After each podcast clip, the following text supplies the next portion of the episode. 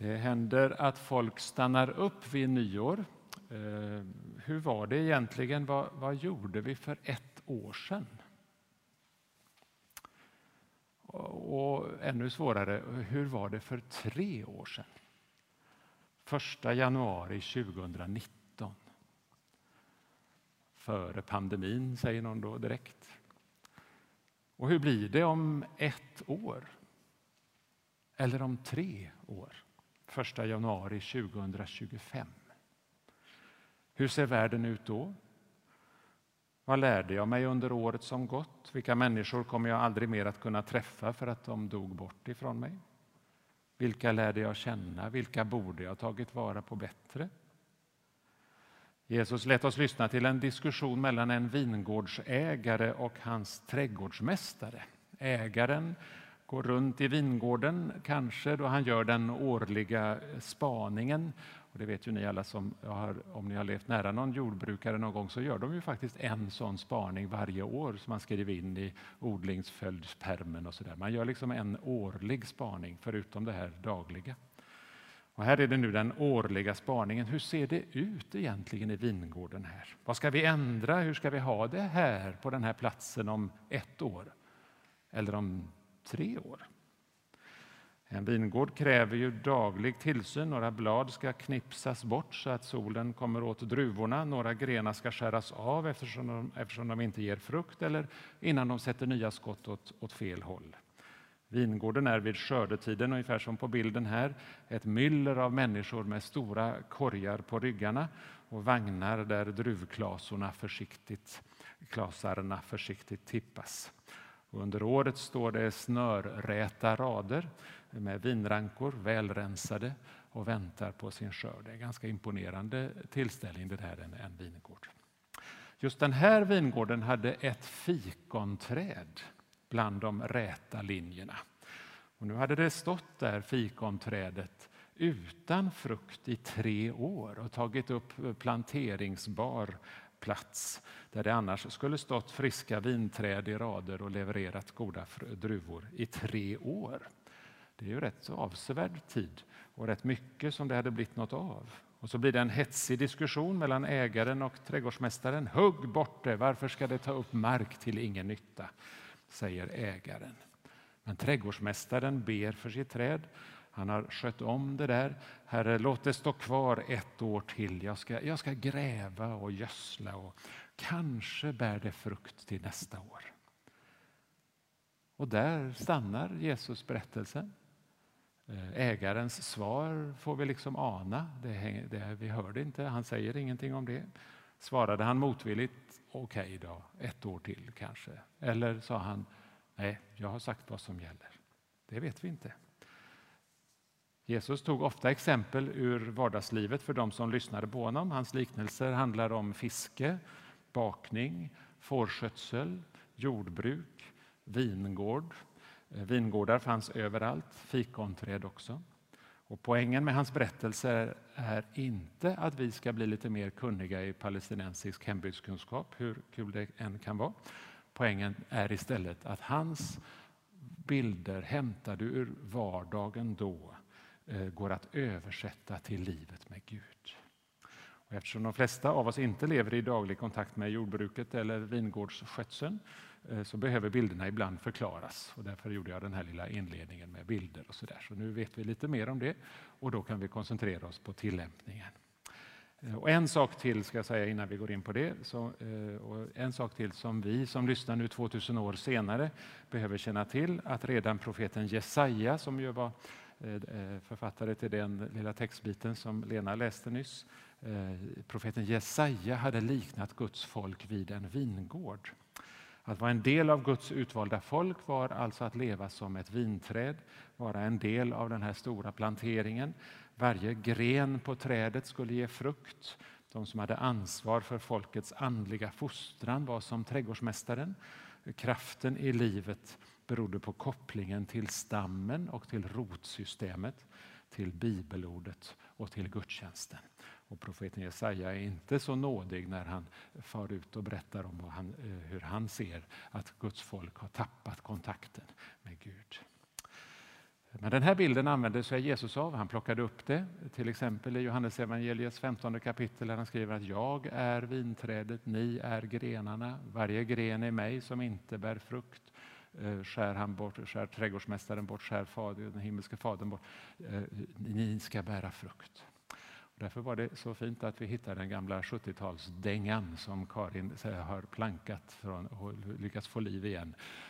Och vi ska sjunga den nu, tänkte jag, Karin, som en liten påminnelse. Det här är nu Jesus berättade ur Johannesevangeliet. Eh, eh, och är ju precis det här att försök se nu den här vingården framför dig och att det handlar om våra liv. Jag återkommer till tillämpningen där.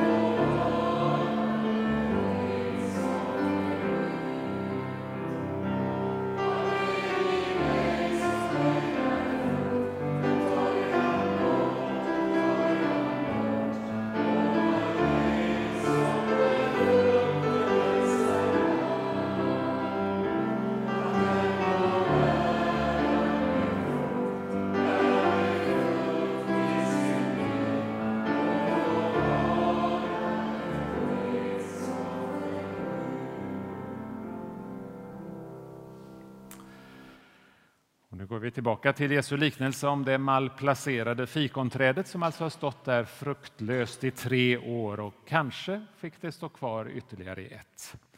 Vad menar han och varför ska vi sitta och grunna på det här nu på nyårsdagen?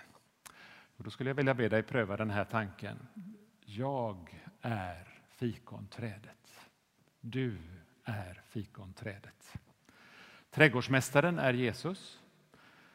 Du är inplanterad i ett fantastiskt sammanhang där du egentligen, där jag egentligen inte hör hemma. Din uppgift är att bära frukt och skulle det se fruktlöst ut så ber Jesus för dig. Låt det stå kvar ett år till. Jesu liknelse riktar sig ofta både till oss som individer Eh, men också till, som grupp, som kollektiv, som församling. Och vi tar individen först. Du som är döpt är genom dopet inplanterad i detta fantastiska sammanhang som kallas Guds rike eller Guds familj.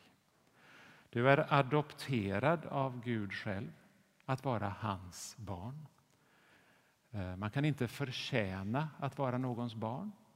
Eh, inte ens en adopterad person kan liksom säga att jo, men jag har ändå gjort mig förtjänt av att, vara, att ha dig som förälder.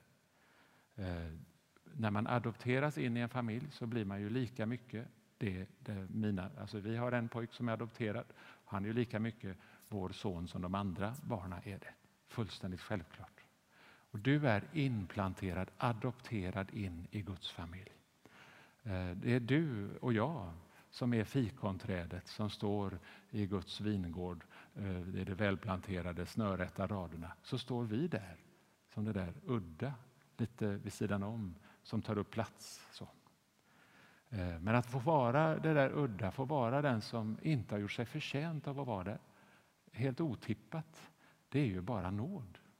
Att du och jag fick vara fikonträdet. Din uppgift är att bära frukt.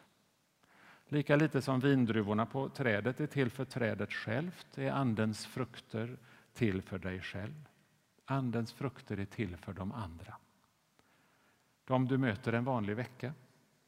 Och Kanske kan det vara en nyttig nyårs eftertanke. Hur skulle mitt liv se ut under året som kommer om jag låter dessa nio frukter växa fram allt mer?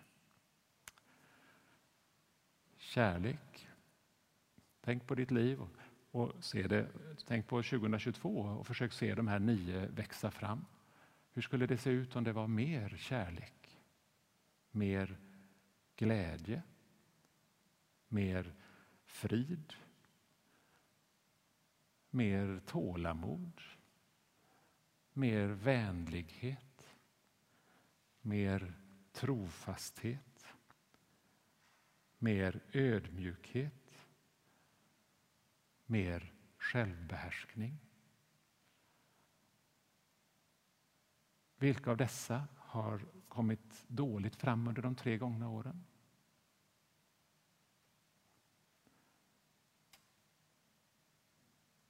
Just nu vänder sig Jesus mot dig där du sitter framför skärmen eller här i kyrkbänken. Han tar dina händer i sina sårmärkta händer. Han ser dig djupt i ögonen och ber med innerlig och lågmäld röst. Jag vill hjälpa dig så att frukten växer fram. Utan mig kan du ingenting göra. Jag ska gräva och gödsla. Låt det stå kvar ett år till. Nu vänder sig Jesus i sina liknelser alltså också till kollektivet. Man kan inte vara kristen på egen hand. Vi kallas alltid samman, närmare honom och närmare varandra. På nyårsdagen riktas nu fokus också på den gemenskap du tillhör. Eh, och eh, det vi kallar församling helt enkelt. Kanske hör du till något annat sammanhang, någon annan församling. Tänk då på de människorna där när, du, när jag går vidare nu. Här låter jag tolkningen handla om Fässbergs församling. Fässbergs församling är som fikonträdet i vingården. Helt oförtjänt har Fässbergs församling blivit en del av Guds rike på jorden. Här har människor lyssnat till Guds ord, här har man bett sina böner och firat den heliga nattvarden i hundratals år. Och vi som finns idag här inom hörhåll är en del av den väldiga världsvida kyrkan på jorden. Vi har fått stå kvar fram till idag. Ingen församling på jorden har gjort sig förtjänt av att vara där. Det är bara översvallande nåd. Församlingens uppgift är att bära frukt.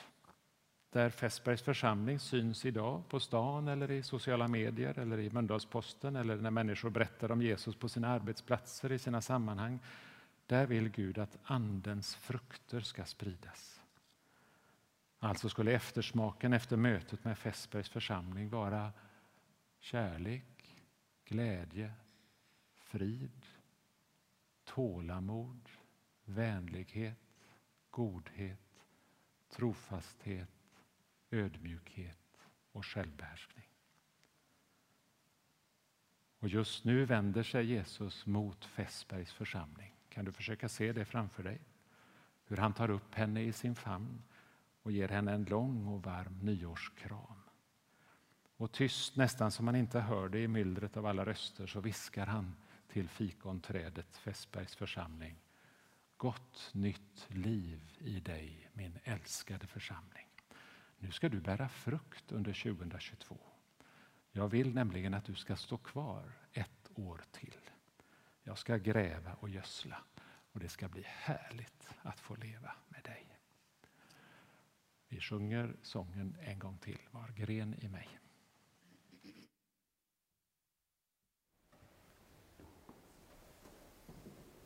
Mm.